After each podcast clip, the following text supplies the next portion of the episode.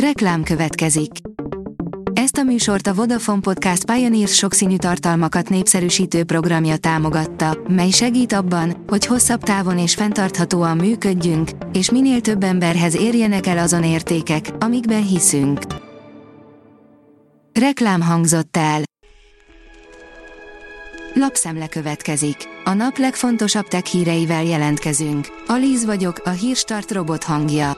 Ma november 10-e, Réka névnapja van. A rakéta teszi fel a kérdést, hogyan tisztítsuk meg a mobiltelefonunkat. Először is tegyük le a hipót. Másodszor vegyük elő az UVC lámpát. A telefonunk tisztítása ritkán élvez prioritást a napi teendők között, pedig a tanácsok nem csak járványok közepette lehetnek hasznosak, hanem mindennapi életünk során bármikor. Az IT Business oldalon olvasható, hogy a Gmail egy alapvető beállítási lehetőséget vont meg a felhasználóktól. Van, amire a levelező rendszer is nemet mond. A GSM Ring oldalon olvasható, hogy népszerű a Xiaomi Redmi Note 12 sorozat. A kínai vállalat néhány hete mutatta be a Xiaomi Redmi Note 12 sorozatot, ami az első eladási adatok szerint nagyon népszerű a vásárlók körében. A Xiaomi nemrég piacra dobta a Xiaomi Redmi Note 12 sorozatot Kínában elég jó árazással és specifikációkkal, ami meg is látszik az első eladási adatokon. A PC World oldalon olvasható, hogy lebukott a Google, hogy egy magyar oldalról lopja a dalszövegeket.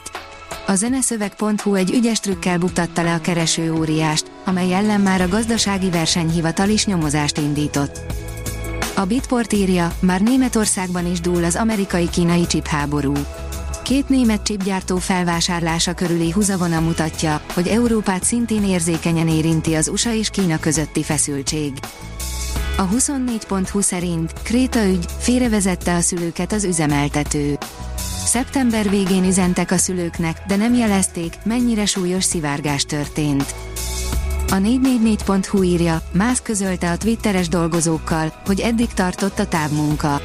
Mostantól hetente minimum 40 órát kell az irodában ülniük, ezzel együtt azt is megírta nekik, hogy készüljenek fel az előttük álló nehéz időkre. A mínuszos írja, harmadszor került a GVH célkeresztjébe a Hellopay.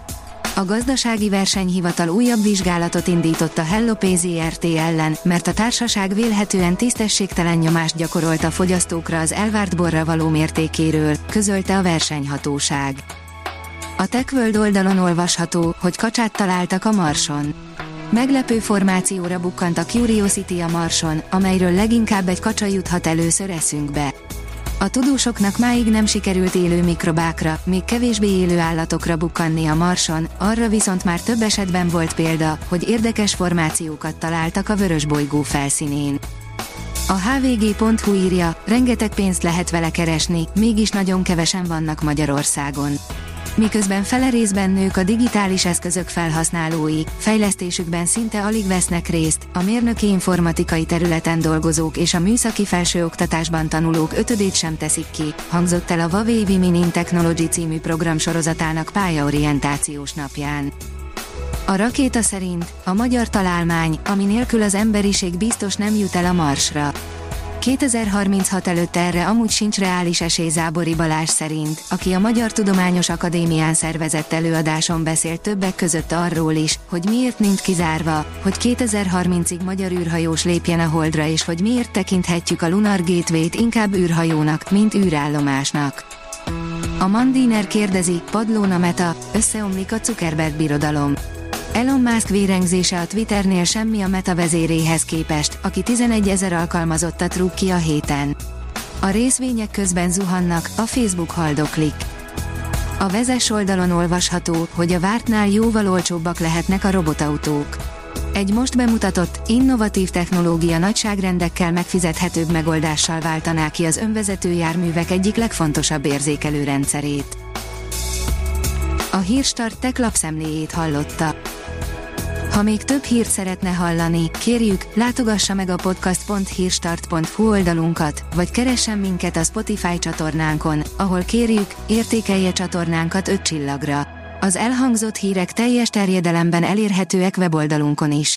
Köszönjük, hogy minket hallgatott!